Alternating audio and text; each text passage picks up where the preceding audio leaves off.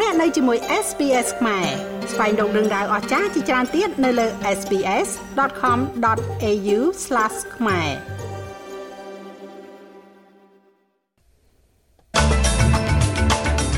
ជនជាតិអូស្ត្រាលី19នាក់ជាប់គាំងនៅហ្គាហ្សាចំពេលមានការទម្លាក់គ្រាប់បែកពីលើអាកាសយ៉ាងសាហាវពីសំណាក់អ៊ីស្រាអែល ប៉ូលីស New South Wales ពិចារណាប្រើអំណាចវិសាមញ្ញដើម្បីបំបែកអ្នកចូលរួមបាតកម្មគាំទ្រប៉ាឡេស្ទីននៅទីក្រុងស៊ីដនីចុងសប្តាហ៍នេះនាយករដ្ឋមន្ត្រីកំពុងជំរុញឲ្យប្រជាជនអូស្ត្រាលីបោះឆ្នោត Yes នៅក្នុងកិច្ចខិតខំប្រឹងប្រែងចុងក្រោយដើម្បីផ្លាស់ប្តូរក្តីសង្ឃឹមលើការធ្វើប្រជាមតិ។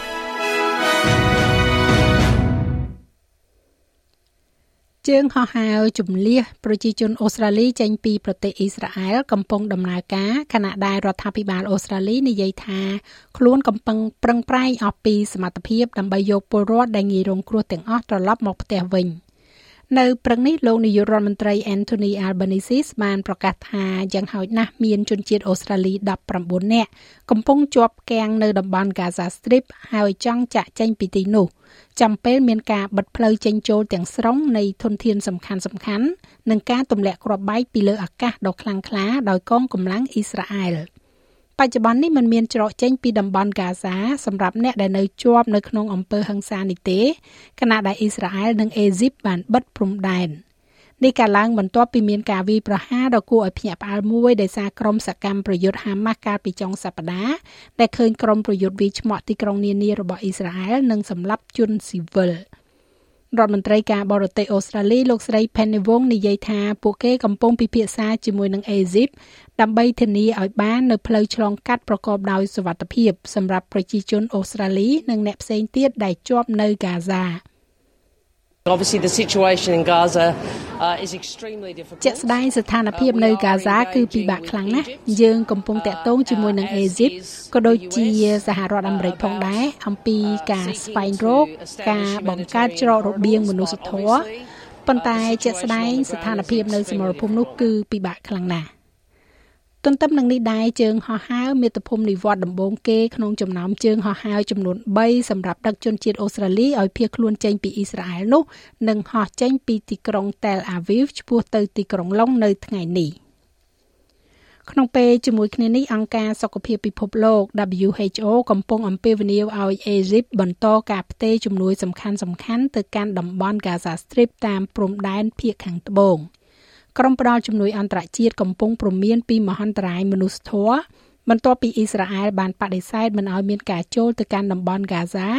ដើម្បីផ្ដល់ជំនួយចាំបាច់សំខាន់សំខាន់ដូចជាអាហារទឹកប្រេងឥន្ធនៈនិងអគ្គិសនីហើយបានវាយលុកតំបន់នេះដោយការវាយប្រហារតាមអាកាសដោយបានសម្លាប់មនុស្សជាង1500នាក់នេះបយោងតាមក្រសួងសុខាភិបាលរបស់ហ្គាហ្សា អគ្គនាយក WHO គឺលោក Tedros Adhanom Ghebreyesus មានប្រសាសន៍ថាលោកបាននិយាយទៅកាន់ប្រធានាធិបតីអេស៊ីបអំពីការធានាឲ្យបានថាជំនួយនឹងទៅដល់ដៃអ្នកដែលត្រូវការជាចាំបាច់ I met uh, President uh, Al-Sisi of uh, Egypt ខ្ញុំបានជួបប្រធានាបតី RCC នៃប្រទេសអេស៊ីបហើយខ្ញុំបានសួរគាត់ថាតើគាត់អាចជួយក្នុងការផ្ទេរការផ្គត់ផ្គង់ផ្នែកវិទ្យាសាស្ត្រតាមច្រកកាហ្សាឆ្លងកាត់ Rafah ដើម្បីជួយជនជាតិប៉ាឡេស្ទីននៅកាហ្សាដែរឬទេគាត់បានយល់ព្រមហើយយើងត្រូវការច្រករបៀងមួយដើម្បីផ្ដល់សេវាវិទ្យាសាស្ត្រនិងអ្វីអ្វីផ្សេងផ្សេងទៀត នោះគឺជាអ្វីដែលខ្ញុំចង់ស្នើសុំមួយគឺការពារជនស៊ីវិលនិងទី2ផ្ដល់ជំនួយដែលពួកគេត្រូវការចាំបាច់អេស៊ីបនិយាយថាខ្លួនបាននឹងកំពុងព្យាយាមបញ្ចុះបញ្ចូលអ៊ីស្រាអែលនិងសហរដ្ឋអាមេរិកឲ្យអនុញ្ញាតឲ្យមានការផ្ដល់ជំនួយនិងប្រេងឥន្ធនៈឆ្លងកាត់ព្រំដែនភាគខាងត្បូងរបស់កាហ្សាដែលត្រូវអ៊ីស្រាអែលទម្លាក់គ្រាប់បែកម្ដងហើយម្ដងទៀត។ ប៉ូលីសរដ្ឋ New South Wales បានព្រមានក្រុមបាតកោថាពួកគេកំពុងពិចារណាប្រើប្រាស់អំណាចវិសាមញ្ញដើម្បីបំបែកអ្នកដែលមានបំណងចង់ចូលរួមបាតកម្មគាំទ្រប៉ាឡេស្ទីននៅក្នុងទីក្រុងស៊ីដនីចុងសប្តាហ៍នេះប៉ូលីសនិយាយថាបាតកម្មតវ៉ានេះនៅតែមិនមានការអនុញ្ញាតពីប៉ូលីសហើយមន្ត្រីនឹងមិនត្រូវការហេតុផលសមស្របដើម្បីរុករកក្រុមអ្នកតវ៉ាឬក៏ទាមទាររកអត្តសញ្ញាណប័ណ្ណនោះឡើយ។ នេះកើតឡើងបន្ទាប់ពីការតវ៉ាដោយជំរងចម្រាស់មួយកាលពីថ្ងៃច័ន្ទដែលជាកន្លែងដែលសាក្សីបានរាយការណ៍ថាបានលើការស្រ័យប្រឆាំងជាមួយនឹងពួកយូដាថា Gas the Jew ពីអ្នកចូលរួមយ៉ាងហោចណាស់ម្នាក់ក្រុមសកម្មប៉ាឡេស្ទីនដែលជាអ្នករៀបចំព្រឹត្តិការណ៍នោះក៏ដូចជាការតវ៉ានៅពេលខាងមុខបានបរិហារសកម្មភាពនេះចំពោះអ្វីដែលពួកគេហៅថាជាផ្នែកតូចមួយនៃអ្នកចូលរួមប្រឆាំងពួកយូដាដ៏អាក្រក់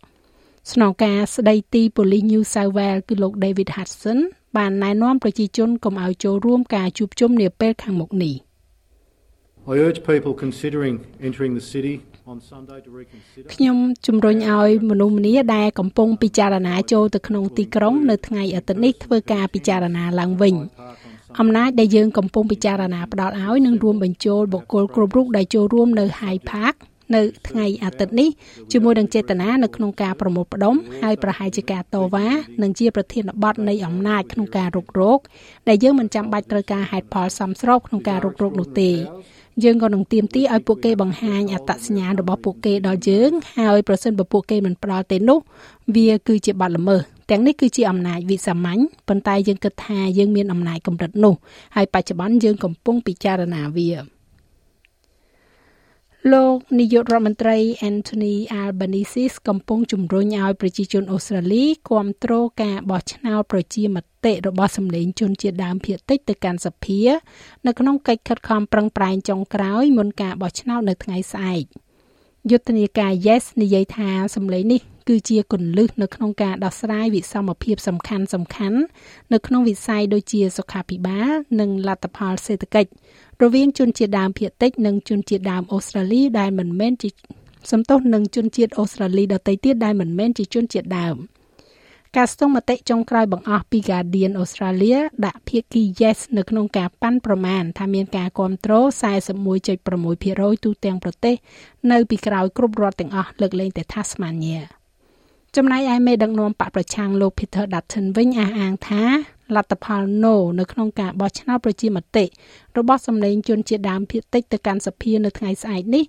នឹងមិនមែនជាការបដិសេធចំពោះតម្រូវការរបស់ជនជាតិដើមភាគតិចអូស្ត្រាលីនោះទេ លោក Dutton និងអ្នកធ្វើយុទ្ធនាការ No ដទៃទៀតកំពុងផ្ដល់ការឃោសនាចុងក្រោយរបស់ពួកគេមុននឹងប្រជាជនអូស្ត្រាលីឈានទៅមណ្ឌលបោះឆ្នោតនៅថ្ងៃស្អែកយុទ្ធនាការនេះបានលើកឡើងថាសំណើ The Voice នេះធ្វើឲ្យមានការបែកបាក់ហើយមិនបានដោះស្រាយតម្រូវការរបស់ប្រជាជនដើមដំបូង First Nation នោះទេ អ្នកវិទ្យាសាស្ត្រអូស្ត្រាលី4នាក់បានទទួលរង្វាន់វិស្វកម្មដ៏មានកិត្យានុភាពបំផុតរបស់ពិភពលោក ពីស្ដេចឆាលទី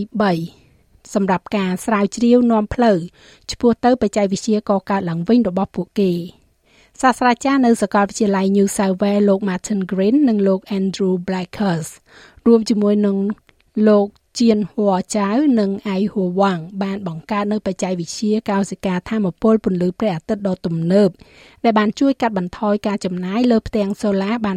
80%ក្នុងទសវត្សរ៍ចុងក្រោយនេះនេះបានធ្វើឲ្យពួកគេទទួលបាននៅរង្វាន់ Queen Elizabeth សម្រាប់វិស័យវិស្វកម្មក្រុមវិស្វករនេះត្រូវបានទទួលស្គាល់កាលពីយប់មិញនៅពេលដែលស្ដេចឆាលបានប្រគល់ពានរង្វាន់ 3D Print ដល់ពួកគេនិងប្រាក់រង្វាន់ជិត1លានដុល្លារអូស្ត្រាលី។ លោកសាស្ត្រាចារ្យ Martin Green បានប្រាប់វិទ្យុ ABC ថាវាគឺជាពេលវេលាដ៏សំខាន់សម្រាប់វិទ្យាសាស្ត្រអូស្ត្រាលី I think we're the first Australian team to win the award. It's been ខ្ញុំគិតថាយើងគឺជាក្រុមអូស្ត្រាលីដំបូងគេដែលឈ្នះពានរង្វាន់នេះរង្វាន់នេះត្រូវបានផ្ដល់ជូនសម្រាប់រយៈពេល10ឆ្នាំចុងក្រោយនេះហើយយើងនឹងមានការប្រារព្ធពិធីនៅយប់នេះជាមួយនឹងអ្នកឈ្នះមុនមុនទាំងអស់កន្លងមកជាមួយគ្នាដូច្នេះវាពិតជាបង្ហាញពីវិទ្យាសាស្ត្រអូស្ត្រាលី។ ពានរង្វាន់នេះបានដាក់ការច្នៃប្រឌិតរបស់ពួកគេនៅក្នុងចំណោមចំណាត់ថ្នាក់នៃសមិទ្ធផលច្នៃប្រឌិតរបស់អូស្ត្រាលីដូចជាអ៊ីនធឺណិតភ្លើង LED និងប្រព័ន្ធ GPS នៅប្រទេសកម្ពុជាវិញចាប់តាំងពីថ្ងៃទី12ខែតុលាម្សិលមិញនេះរថយន្តក្រុងចំនួន ជាង400គ្រឿងបានចាប់ផ្ដើមដំណើរការដឹកជញ្ជូនពលរដ្ឋដោយឥតគិតថ្លៃទាំងនៅក្នុងរាជធានីភ្នំពេញនិងទៅតាមបណ្ដាខេត្តនានាដើម្បីជួបជុំក្រុមគ្រួសារក្នុងឱកាសពិធីបុណ្យភ្ជុំបិណ្ឌប្រពៃណីជាតិខ្មែរ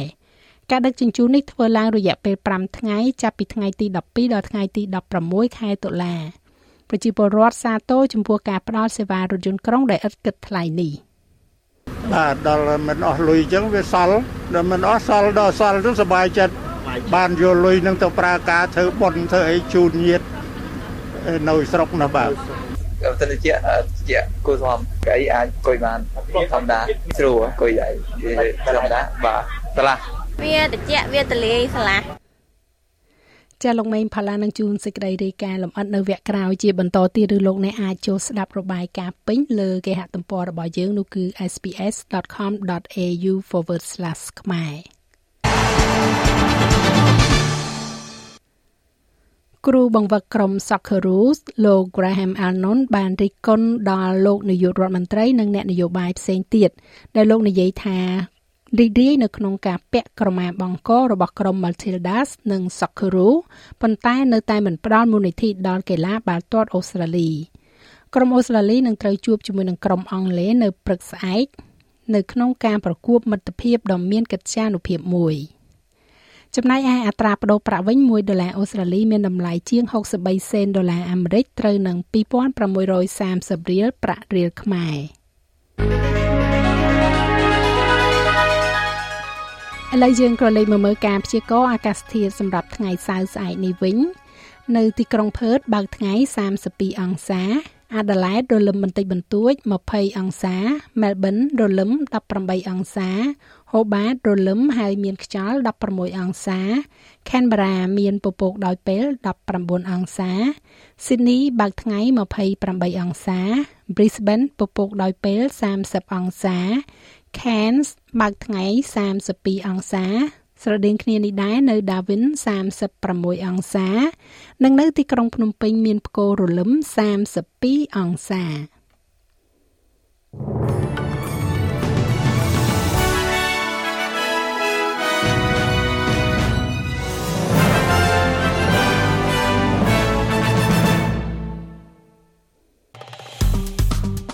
ចុច like share comment និង follow SPS ខ្មែរនៅលើ Facebook